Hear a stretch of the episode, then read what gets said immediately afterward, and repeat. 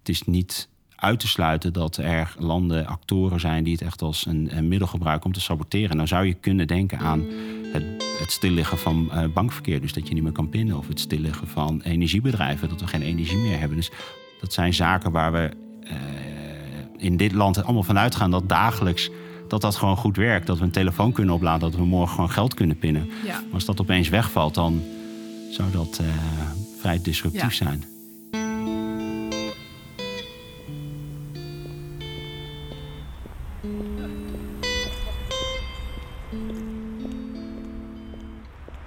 Het is bijna een jaar geleden dat ik voor het laatst het grote grijze gebouw van de IVD uitliep. Toen ik een contraterrorismezaak had doorlopen die draaide om de mogelijke aanslag van Sander.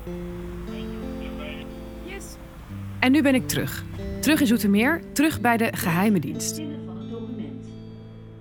Draai het document om alstublieft. Voor een nieuwe stage, ditmaal bij de Cyberdesk, met dus ook een nieuwe zaak een van de grote bedrijven in Nederland, een van de grote energieleveranciers, is Electron BV. We hebben informatie ontvangen dat zij het doel zijn van een uh, hack. Ik mag vragen stellen aan mensen die nooit over hun werk praten, op een plek waar maar zelden mensen van buitenaf komen. Mijn naam is Liesbeth Rasker. Je luistert naar het nieuwe seizoen van de podcast van de AIVD. Welkom bij De Dienst.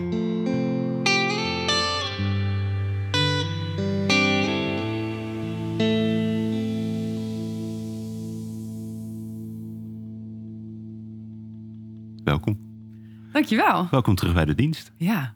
Dat, uh... Deel 2. Ja, precies. Misschien ja. de tweede stage.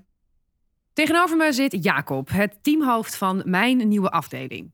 Bij binnenkomst moest ik de hele veiligheidsprocedure weer doorlopen, die staatsgeheim is.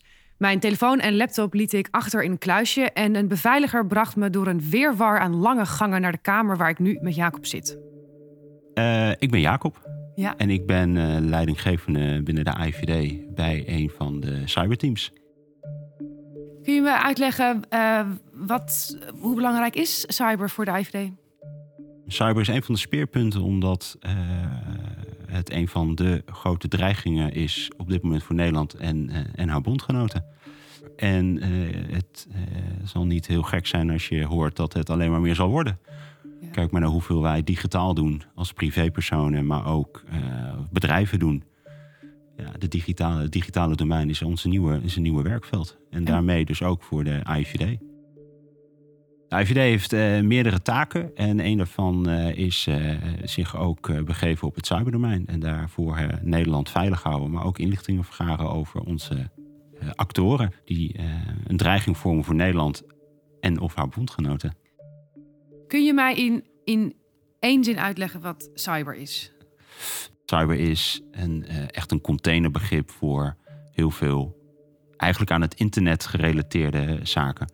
Je kan heel kinderachtig zeggen, zeggen cyber is alles wat aan het internet hangt. Wij kijken naar um, statelijke actoren die een, dreiging, uh, een digitale dreiging vormen voor Nederland en haar bondgenoten. Het domein cyber is dus groot en breed, maar de dienst richt zich op de dreiging vanuit statelijke actoren. Een statelijke actor is typisch IVD-jargon voor een land. De IVD doet bijvoorbeeld onderzoek naar Rusland, Iran, China en Noord-Korea. Een andere term die vaak voorbij zal horen komen is attribueren, wat zoveel betekent als toekennen aan. Je probeert dus een bepaalde actie te attribueren aan een bepaalde statelijke actor. En die acties die zijn er voortdurend, maar achterhalen wie erachter zit is lang niet altijd zo makkelijk. Waar, waar wij heel erg mee te maken hebben eh, binnen, binnen de dienst is dat um, cyber is een, is een relatief makkelijk middel voor statelijke actoren om in te zetten um, om um, informatie te vergaren. En helemaal naar Nederland. Nederland is een kenniseconomie, is uh, als land onderdeel van heel veel internationale gremia. Uh, het is een open land, het heeft een goede infrastructuur.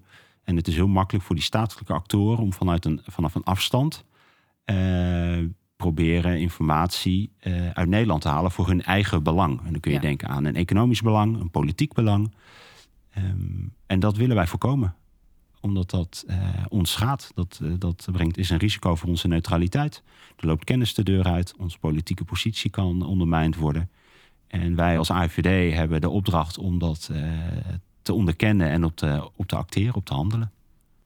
Is het dan ook zo dat jij naar het NOS Journaal kijkt en je hoort iets over, over I don't know, verkiezingen in land X? Gaat dan, dan bij jou meteen ergens iets aan van, oh wacht, verkiezingen gaan daar spelen, dat kan belangrijk zijn, zo zo zo? Ja. Als we ons werk goed doen, dan horen we het eigenlijk, dan weten we het al, dan kunnen we duiden wat er op het journaal komt. Ja, precies. Jij weet het Dus voordat dan, het... nou, ja. dat, dat, dat niet. Maar als er iets eh, gebeurt waarvan je, hè, verkiezingen is een prachtig voorbeeld. Als dat gaat spelen, zeker in Nederland, de verkiezingen. Ja. Nou, dat weten we allemaal, want die staan eh, al ver vooruit gepland. Eh, maar als iets in het nieuws komt, dan is dat meestal een extra duiding bij iets waar we hier intern al onderzoek naar doen of mee bezig zijn. Zeker als het betrekking heeft op het onderwerp waar, eh, waar we hier mee bezig zijn, waar ik mee bezig ben. Ja, en is er iets te zeggen over hoe lang een onderzoek duurt, gemiddeld? Vast niet, hè? Nee. Dat, dat varieert van eh, vijf minuten. Dat we iets hebben kunnen duiden en dan kunnen bepalen: oké, dit is niet wat het is. Dit hoort niet bij ons. En dit, dat kan tot heel lang, tot hele lange periodes, En moet ik kunnen aan onderzoeken, maanden of aan jaren? jaren. Eh, eigenlijk is dan een touwtje trekken Mhm. van een grote bol wol. En je trekt heel langzaam dat touwtje om, om dat bol, bolletje wol te ontrafelen. Ontrafelen. Ja, En wat zit er aan het eind van het bolletje wol? ehm, dat is een goede vraag.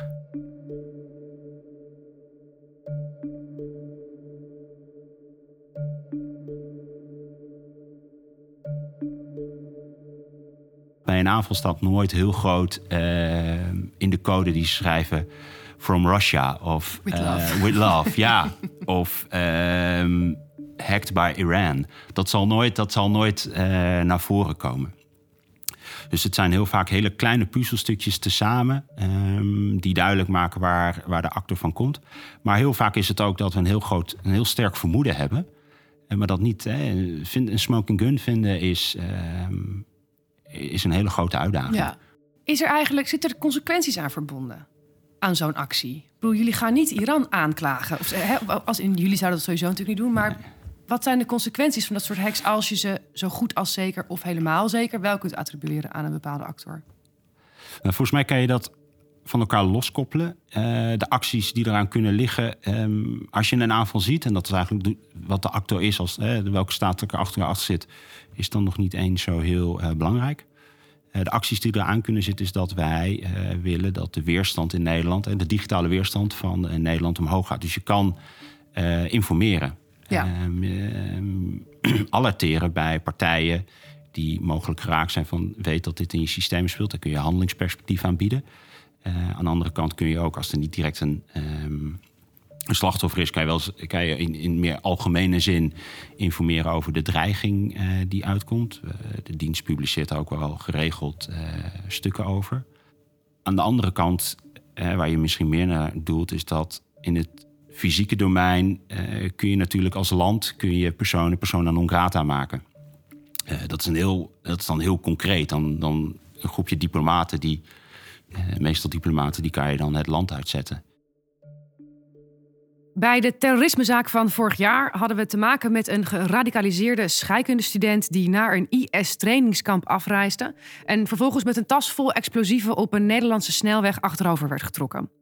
Het gevaar en de dreiging van die zaak en van andere onderzoeken naar terrorisme, dat hoef ik aan niemand uit te leggen.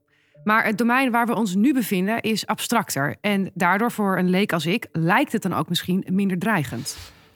Ehm, ook nu, ook in dit domein, ook, hè, waar jij nu stage in gaat lopen, hebben we te maken met een dreiging die consequent aanwezig is. Ehm, de vorm en de uitkomst is alleen minder zichtbaar. Hè. Bij de casus rond eh Sander van tot CT is natuurlijk heel, is heel tastbaar. Is heel, dat spreekt heel erg voor zich. Ja. Wat, de, wat de consequenties voor, eh, voor het land, maar ook voor de direct betrokkenen kunnen zijn Ja, die consequenties zijn in, in dit domein ook heel groot. Alleen ze zijn niet tastbaar. Het is heel abstract. Misschien om het wat concreter te maken, is wat je kan voorstellen, is dat eh, Nederland is een, is een rijk land in meerdere opzichten. Eh, we zijn onderdeel van eh, grote internationale verbanden. De EU, de NAVO, de VN. Ehm, we beschikken over heel veel economische kennis. We beschikken over heel veel politieke kennis. Door, ook door die verbanden. En dat is voor andere actoren heel erg interessant. Ehm, en die hebben het ook echt wel op ons gemunt. Dus die zitten mijn inschatting is, maar dat is dan ook maar soms hoe ik erover nadenk. Die zitten ook in een soort bureaucratisch systeem waarbij ze een Nederland uh, of de instanties die hier werken als doelwit hebben gemunt. En die zetten om acht uur de computer aan. En die zijn gewoon ja, een hele werkdag bezig om te kijken of ze uh, in, een, uh, in een Nederlands systeem kunnen binnendringen. Ja. En dat gaat, dat gaat dagen, weken gaat dat door. Om maar net um, informatie naar boven te halen voor hun eigen gewin. Ja. Het is niet uit te sluiten dat er landen, actoren zijn die het echt als een, een middel gebruiken om te saboteren. Dan zou je kunnen denken aan het, het stilliggen van uh, bankverkeer, dus dat je niet meer kan pinnen, of het stilliggen van energiebedrijven, dat we geen energie meer hebben. Dus dat zijn zaken waar we uh, in dit land allemaal van uitgaan dat dagelijks dat dat gewoon goed werkt. Dat we een telefoon kunnen opladen, dat we morgen gewoon geld kunnen pinnen. Ja. Maar als dat opeens wegvalt, dan zou dat uh, vrij disruptief Ja. zijn.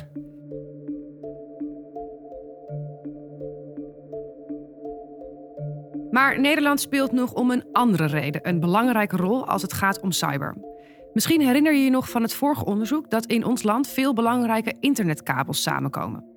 De Amsterdam Internet Exchange is een van de grootste internetknooppunten van de hele wereld.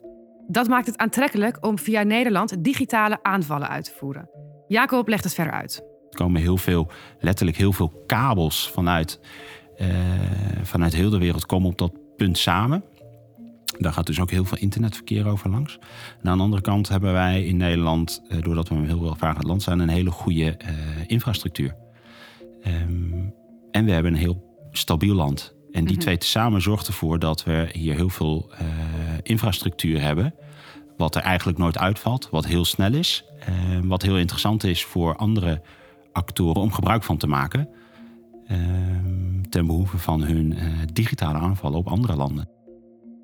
Wat je nooit zult zien is dat ehm, iemand in Moskou op zijn computer inlogt en direct vanuit zijn uh, computer met een internetverbinding naar, uh, naar, zijn, naar, zijn, naar zijn doelwit gaat, wat, wat dat dan ook zijn. Dat, dat gebeurt door middel van heel veel stapjes uh, op verschillende wijzes over het internet heen. Um, en heel vaak is, of het gebeurt geregeld, dat uh, Nederland een van die, van die stapjes is. Mm -hmm. Dus dat ze via Nederland en misschien nog zes andere stappen ergens proberen binnen te komen. En waarom is Nederland dan heel interessant om te gebruiken? Omdat Nederland um, een heel stabiel netwerk heeft.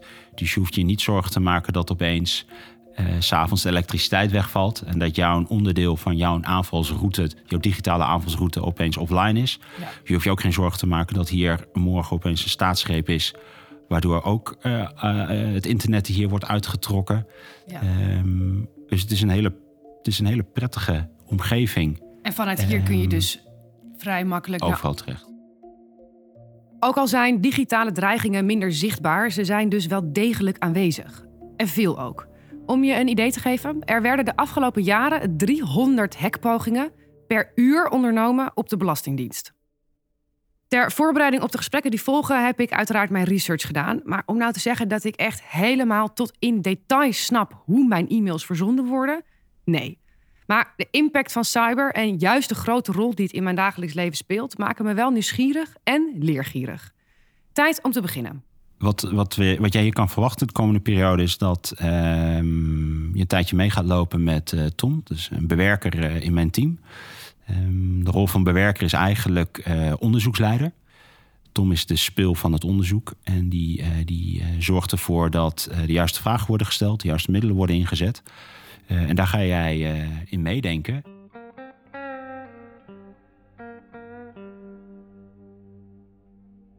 Dus Bart nam me vorig jaar op sleeptouw. Ditmaal heb ik Tom aan mijn zijde. Ja, goedemorgen. Dit is Tom. Uh, ik ben op het moment uh, bewerker uh, bij de IVD en op een cyberonderzoek. We hadden begrepen dat je jezelf wilde verbreden in je bewerkersvak. en zodoende bij, je bij mij terechtgekomen. Ja. Um, ja, het wordt wel heel anders, ja. Het feit dat alles met elkaar verbonden is, dat in principe alles met het internet verbonden is en alles met elkaar kan praten, levert toch wel een unieke set aan kwetsbaarheden en dreigingen op. En daar doen wij onderzoek naar. Oké, om alles wat volgt wat beter te kunnen begrijpen, hier een klein geschiedenislesje. Op 4 oktober 1957, om precies te zijn om half acht 's avonds, sturen de Russen de allereerste satelliet de ruimte in. Sputnik genaamd. Het is een klein zilverbolletje en dat kleine bolletje is een gigantische doorbraak in de technologierace. De Amerikanen kunnen dan niet achterblijven en bedenken een manier waarop hun onderzoeksuniversiteiten en het ministerie van Defensie nog sneller met elkaar kunnen samenwerken. Mocht je hier echt alles van willen weten, zou ik zeggen: doe even een rondje Wikipedia. Maar voor nu is het voldoende om te weten dat ze lokale netwerken met elkaar gaan verbinden. Waardoor opeens iemand die in Chicago zit een berekening kan uitvoeren op een computer die eigenlijk in Seattle staat. Helemaal aan de andere kant van het land. Het Amerikaanse netwerk en Europese netwerken worden met elkaar verbonden. En uiteindelijk resulteert dit in wat wij nu het internet zijn gaan noemen. Het feit dat alles met elkaar verbonden is, betekent dus ook dat alle bedrijven met elkaar verbonden zijn. Alle overheden zijn met elkaar verbonden. Ja, en dat biedt gewoon ontzettend veel mogelijkheden voor een lekker spotje spionage. Ehm, want de meeste dingen die interessant zijn om te weten tegenwoordig en om te stelen, staan gewoon op iemands computer uiteindelijk. Ja. Ehm, en het is allemaal bereikbaar via het internet. Als je toegang kunt krijgen tot die systemen. Iemand kan het in principe doen in zijn eentje achter zijn eigen eh, toetsenbord thuis. Eh, dus dat maakt allemaal heel aantrekkelijk eh, voor spionage en gerelateerde zaken. En dat maakt het ook aantrekkelijk voor Tom. Wat dat betreft voldoet hij aan het clichébeeld dat ik heb van mensen die overweg kunnen met computers. Zo'n liefde zit er gewoon van jongs af aan al in. Ik weet dat ik altijd een fascinatie had met Efteling.nl. Dat is echt heel bizar. Als kind ging ik altijd naar die website en ook om uit te printen ook. En als je dan terugdenkt, denk je, waarom ga je in hemelsnaam een website uitprinten? Maar dat was voor mij echt alles. Dat en dat gecombineerd met ehm, mijn basisschool. Daar hadden we een leraar en ik geloof dat hij Jo heette. En hij had altijd dingen. Hij nam altijd oude computers, oude printers, oude dingen. Nam hij altijd gewoon mee naar school. En dan donderdagmiddag kon je als een soort van crea-middag. Een van de dingen die je kon doen was met Jo al die dingen uit elkaar gaan halen. Wat geweldig. En gewoon te kijken wat erin zit. En ja, nee, als tien, negen, tien jaar jongetje begreep ik echt niet wat het allemaal was. Weet je, dingen als de CPU en de harde schijf en het geheugen, dat kun je er wel een beetje uithalen. Eh, maar wat het precies allemaal deed, ja, dat wist ik natuurlijk ook niet. Maar Ja. goed, dat heeft op een moment die interesse aangewakkerd. En dan ga je gewoon dingen lezen en opzoeken. Ja. Eh, van ja, hoe werkt het nou precies? Ehm, ik heb iets gestudeerd wat helemaal niks te maken heeft met het vakgebied. Eh, maar omdat ik vanaf kinds af aan al die interesse had voor alles cyber en alles computers en alles internet, ehm, heb ik eigenlijk na mijn studie soort van de vraag: wat wil je nou gaan doen? beantwoord met: ik wil iets in de cyberwereld doen. Wat heb je gestudeerd dan? Als je zegt dat het helemaal anders is. Wat ik precies gestudeerd heb, dat wil ik niet vertellen. Maar ik kan wel zeggen dat ik de hele academische ladder doorgelopen ben tot aan mijn uiteindelijke PhD toe. Niet echt noodzakelijk, denk ik. Maar het, ik vond het gewoon ontzettend leuk om die hele wereld gewoon mee te maken. Toen dacht je, ik wil in de cyber. Ik wil in de cyber. En exact op dat moment zag ik gewoon letterlijk een vacature online voorbij komen voor bewerker met een cyberachtergrond bij de IVD. Ja. En ik heb mijn kans gegrepen. En, en wat doet een bewerker bij de IVD op de cyberafdeling? Ehm, uiteindelijk best wel hetzelfde als een bewerker bij een eh contra-terrorisme afdeling zou doen. Alleen onze targets zijn iets anders. Dus we zijn nog steeds op zoek naar waar is de dreiging en hoe kunnen we die dreiging onderkennen. En van wie gaat de dreiging uit. Want realiseer je wel, uiteindelijk, het zijn allemaal computers. En het klinkt allemaal heel abstract. Maar uiteindelijk zit er ergens iemand achter zijn toetsenbord commando's in te voeren om onze geheimen te jatten. Ja. Ehm, dus dat is allemaal hetzelfde. En dat is een goed punt, want zodra het over servers, netwerken en internetprotocollen gaat, is het makkelijk te vergeten dat die dingen niet uit zichzelf handelen. Er zit iemand achter, iemand geeft een opdracht en die iemand is wel degelijk een echt persoon. Tom en zijn team doen onderzoek naar die figuren, die dus voor een statelijke actor kunnen opereren. Als ik een voorstelling moet maken van het bureau waar Tom die onderzoeken aan uitvoert, dan doemt er een beeld op van een plek vol bliepende computers en knipperende beeldschermen. Vijf. Vijf. Vijf. Ja, vijf computers en vijf beeldschermen. en dit heeft natuurlijk alles te maken met wat ik eerder zei: dat al die computers allemaal met elkaar verbonden zijn. Ja. Ja, dat willen we natuurlijk niet, want bij de IVD hebben we flink wat geheimen die ook geheim moeten blijven. Ja. En ja, de meest praktische en de, toch wel uiteindelijk denk ik de beste manier om dat te doen, is om gewoon die netwerken fysiek van elkaar te scheiden. Dus we hebben gewoon binnen losse netwerken met verschillende doelen, Ja. die gewoon niet met elkaar mogen praten. En vandaar dat ik dus vijf computers, vijf schermen, vijf toetsenborden en vijf muizen heb. Dat is dus één grote spaghetti op mijn bureau. en dat is nog zonder alle prolaria en koffiekopjes en allemaal Ja. dat gedoe. Ja, nee, absoluut.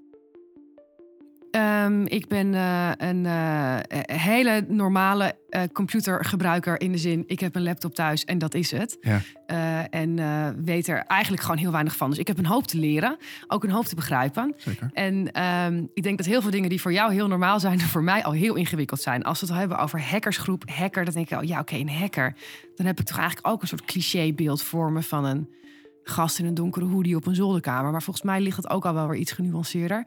Er is eigenlijk niet zoiets als een hacker. Er is wel een hacker mindset. Het idee dat je dingen op een dusdanig gedetailleerde manier en niveau wil begrijpen. Dat je ze eigenlijk kunt manipuleren en een soort van kunt laten doen wat jij wil. Mhm. Zonder dat ze daarvoor ooit ontworpen zijn. Daar komt het een beetje vandaan. Die, die mindset om echt tot in de details door te dringen van hoe een systeem werkt. Ja, En dat vervolgens naar je eigen hand te zetten. Dat is uiteindelijk hacken. Alleen dat kun je natuurlijk doen omdat je het leuk vindt. Eh, als een soort van hobbyachtige situatie.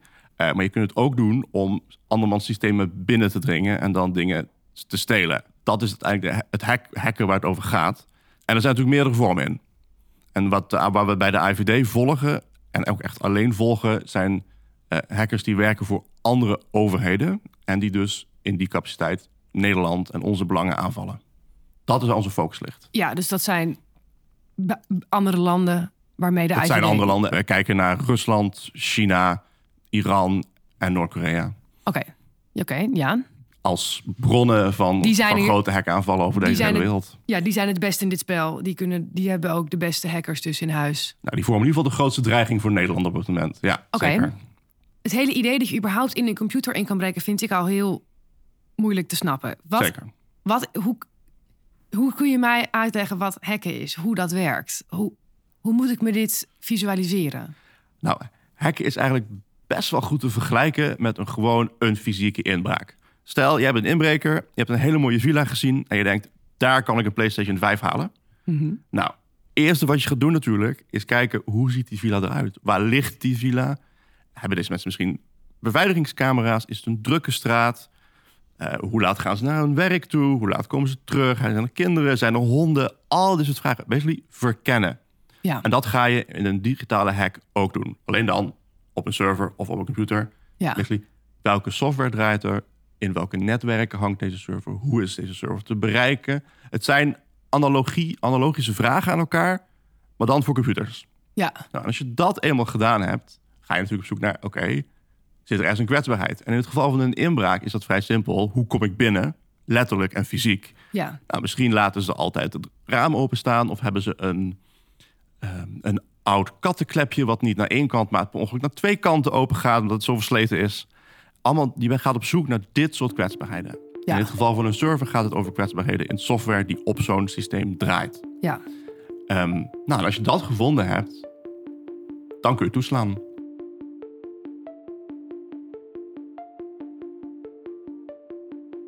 Een heel triviaal voorbeeld is: neem, je hebt een hele simpele. eh, Mijn eerste programma geschreven. En dat programma vraagt de gebruiker om een naam. En eh, je, je typt dan mooi als gebruiker je naam in. En dan zegt hij hallo en dan je naam. Hartstikke leuk. Eh, maar deze programmeur die het gemaakt heeft, stel, dacht niet zo lang na en heeft in zijn programma letterlijk gezegd: deze naam zal nooit langer zijn dan 50 karakters. Want wie heeft nou een naam langer dan 50 karakters? Mhm. Maar ja, en een hacker is dan wel zo. Oké, jij zegt 50 karakters. Ja, dan ga ik natuurlijk 51 proberen. Dus gewoon eens kijken wat dat, wat, wat, dat oplevert. Nou, in zo'n scenario dan ga je dus veel te veel, in, te veel input geven dan het programma verwacht. En dan krijg je hele, dan kun je hele gekke ehm, momenten krijgen, omdat dat is niet wat de programmeur voor ogen had. Het zijn foutjes in logica die gewoon door mensen gemaakt zijn uiteindelijk. Dat is niet erg, dat is bijna on- onvoorkombaar. Eh, maar daar kun je wel misbruik van maken door soms, als het foutje op een dusdanig gevoelige plaats zit, eh, een programma over te nemen. En dat programma dingen te laten doen die jij wil. In plaats van waar het zelf voor Ja. gemaakt is. Heel simpel gezegd, hacken is speuren naar gaten in andermans werk en via die weg binnen zien te komen. Dat een buitenlandse overheid uit spionageoverwegingen bij, ik noem maar wat, ons ministerie van Defensie zou willen rondneuzen, dat ligt voor de hand. Maar ook op de computers van gewone burgers, zoals jij en ik, valt genoeg te halen. We hebben inderdaad overheden die hacken. Ja. Wat veel persoonlijker is en waar mensen denk ik in het dagelijks leven veel meer in aanraking komen, zijn criminele hackers. Eh, mensen die uit zijn op financieel gewin. Eh, bekende voorbeelden zijn natuurlijk ransomware, waarbij mensen inbreken in je systeem, eh software troppen die al je bestanden versleutelt en dan zeggen, ja, als je ons een bitcoin betaalt, krijg je al je bestanden terug. Oh ja. En daar staat misschien voor jou niks staatsgeheims in. Maar het feit dat je opeens al je bestanden kwijt bent en niet meer kan werken, je bent je foto's kwijt, Ja. dat, dat is toch schadelijk voor je. ja. Ehm, en ook, ook iets wat, wat de afgelopen paar jaar heel erg eh, bekend is en wat denk ik de meeste mensen wel van gehoord hebben, is zo'n de WhatsApp-fraude. Ja. Waarbij je vaak zo'n sms krijgt van: Hey pap, mijn Ja. nummer is veranderd. Eh, bij deze mijn nieuwe nummer. Ik ben een beetje blut. Kun je even 200 euro overmaken naar dit nieuwe rekeningnummer van mij? Ja. kusjes, bla bla. Nou, dat is ook weer zo'n stukje criminele eh, cybercrime waar echt wel veel, veel mensen in Nederland mee te maken krijgen. Met WhatsApp-fraude werd in het eerste halfjaar van 2020 al 2,7 miljoen euro buitgemaakt. Maar toch is dit niet het werkveld van de AIVD, maar dat van de politie. De AIVD richt zich op de bescherming van de democratische rechtsorde. Om dat even in te kleuren, weer een klein beetje achtergrond. In december 2015 was er een storing bij een Oekraïns elektriciteitsnet, waardoor zo'n 80.000 Oekraïense huishoudens dik zes uur zonder stroom zaten. Later bleek dat dit niet zomaar een storing was, maar een aanval van een Russische hackersgroep die de naam Sandworm kreeg. Zes uur zonder stroom betekent zes uur zonder verwarming, midden in de winter. Maar betekent ook een gigantische ontregeling voor het openbaar vervoer, voor de financiële infrastructuur van een land, voor de veiligheid, kortom, voor de stabiliteit. En dat is dus precies waar de AIVD voor waakt. Ja, dit, dit zijn wel echt horrorscenario's. eh waar we bij de IVD zeker onderzoek naar doen. En wat willen we echt kosten wat kost voorkomen. Als we terugkijken op 2021. ehm, er zijn twee momenten geweest waarbij de NS helaas problemen had met hun communicatiesystemen. Zover wij weten niet gerelateerd aan statelijke actoren. Eh, maar alsnog, wat je zag, was dat gewoon voor uren het hele treinnetwerk in Nederland eruit lag. Ja, de chaos op perrons en mensen die niet thuis konden komen. En de, de gemiste werkuren zijn gewoon echt immens. Ja. Eh, dus dat is echt een hele grote dreiging. Er is dus terroristische dreiging, dreiging van links- en rechtsextremisme en cyberdreiging. En dat laatste neemt in een verontrustend tempo toe, dus daar moeten we ons beter tegen zien te wapenen. Hoe de IVD dat doet en hoe die onderzoeken lopen, dat ga ik ook deze stage weer ondervinden door mee te lopen met een zaak. Een fictieve case, maar wel eentje met elementen die echt gebeurd zouden kunnen zijn of die kunnen gaan gebeuren. Als IVD hebben we natuurlijk het, belang van Nederland en de veiligheid van Nederland voorop. Eh, en in die, ja, weet je wel, in die rol houden we ook echt heel goed contact met de, wat we dan de vitale sector noemen. Ehm, en een van de grote bedrijven in Nederland, een van de grote energieleveranciers, is Electron BV. We hebben informatie ontvangen dat zij eh, het doel zijn eh, van een eh, hack. Oké, wat, wat, wat, wat impliceert dat? Wat, waar denk je dan aan? Ja, in mijn achterhoofd gaan meteen radartjes lopen. Dit betekent dus feitelijk gezien dat een groep mensen toegang heeft tot een van de grootste energiemaatschappijen van heel Nederland. En dat is nogal wat. Daar zitten nogal wat consequenties aan. Dat ze daar, dat ze daar, dat ze daar aan de knop kunnen zitten. Exact. Ja, Ja. precies. En waarom ze dat hebben gedaan en hoe ze daar binnengekomen zijn en wie ze zijn of waar ze vandaan komen, dat zijn allemaal vragen die we gaan, die we gaan proberen te beantwoorden. Maar hoe komen jullie überhaupt achter dat ze gehackt zijn? Ja, goede vraag. Eh, in dit geval ehm, gaat het om een hackersgroep die we al eerder in onderzoek hebben gehad. Ehm, intern heeft deze groep de naam Zuurkool gekregen. Blijkt dat het een groep was waar we tot ongeveer twaalf maanden geleden echt actief onderzoek naar deden. Toen waren ze ook echt actief, heel veel slachtoffers gemaakt ook. Ehm, maar daarna is het stil komen te vallen. Eh, en ja, als het stilvalt en de actor lijkt verdwenen, dan moeten wij ons onderzoek afschalen. Want er is gewoon zoveel actief dingen om te onderzoeken. We hebben geen idee eh, welke staat erachter zit. We weten wel vrij zeker dat het statelijke actoren zijn. Het is gelieerd aan een overheid ergens. Eh, en ze hebben al eh, sinds 2018 verschillende slachtoffers gemaakt. In Nederland, ook buiten Nederland, Europa. Ook wel wereldwijd eerlijk gezegd. En dan gaat het voornamelijk om overheidsinstellingen. En dan hebben ze dat voornamelijk gedaan om te spioneren. Letterlijk om geheimen te stelen. Ja. Weet je, kla- klassieke spionage, maar dan op internet. Dus een partij die al langer op de radar stond van de IVD en in die onderzoeken de codenaam Zuurkool kreeg, is weer opgedoken. Ditmaal bij Electron BV. Ehm, en een van hun kenmerkende eh, technieken is inzet van een bepaald stukje malware. En die, die hebben we rookworst genoemd. En daar hebben we, die kunnen we heel goed herkennen op internetverkeer. Ja. Eh, en wat er dus gebeurd is, is dat we op de Siggenstroom is er een alert afgegaan. Wat is Sigint? Wie is Sigint? SIGINT staat voor eh, Signals Intelligence. Het is een eh, best wel centrale activiteit van de IVD als het gaat om het cyberwereldje. Want alles in cyber speelt zich af op het internet. En via SIGINT kunnen wij het, nou ja, het internet in de gaten houden met als doel om Nederland veiliger te houden. En, om dus kwaadwillenden eh, te detecteren. En dat is hier gebeurd. Signals Intelligence. SIGINT. Nog zo'n term die je vaker gaat horen de komende afleveringen.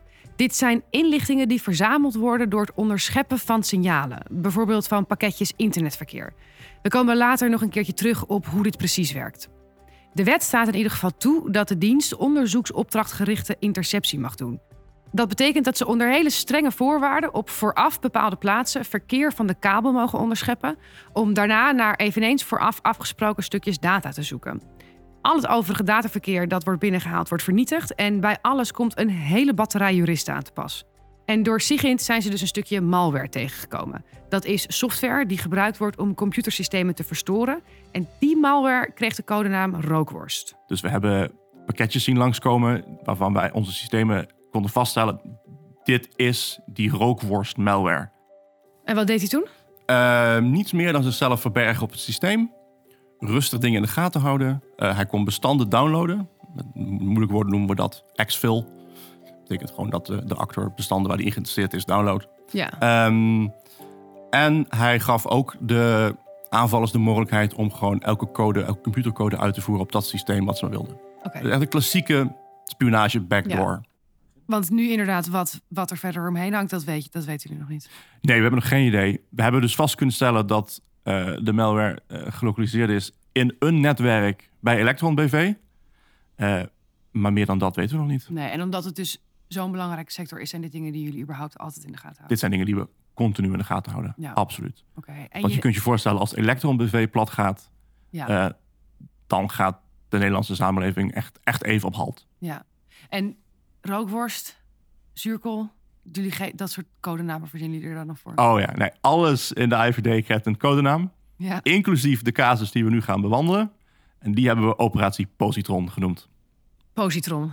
Jazeker. Het antideeltje van elektron. Het antideeltje van elektron. Hier heb je zeker heel veel pret om gehad.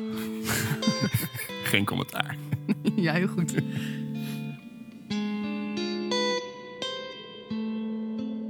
En daarmee is mijn tweede stage en de zaak officieel begonnen. Sigint, malware, internetprotocollen. Er komt een hoop nieuws op me af. In de volgende aflevering praat ik met iemand van de afdeling CND, wat staat voor Computer Network Defense. Hij gaat me uitleggen wat dat inhoudt en vooral hoe hij de oude hackersgroep weer op het spoor kwam en wat we tot op heden van ze weten. Voor wie alle termen die voorbij zijn gekomen al lang gesneden koek zijn, heeft de IVD iets bijzonders. Je kunt dit seizoen namelijk niet alleen meeluisteren, je kunt ook met ons meedoen in de speciaal hiervoor opgezette challenge. Dat betekent dat je toegang krijgt tot de data die wij vinden en de dossiers die we erover aanleggen. Tom vertelt je wat de eerste opdracht is. Mocht er iemand willen meedenken of zelf aan de slag willen, dan hebben we de inlichtingdossiers online gezet op operatiepositron.nl. Dus kijk maar hoe ver je komt, kijk maar hoe goed je bent en probeer alle vlaggetjes te vinden.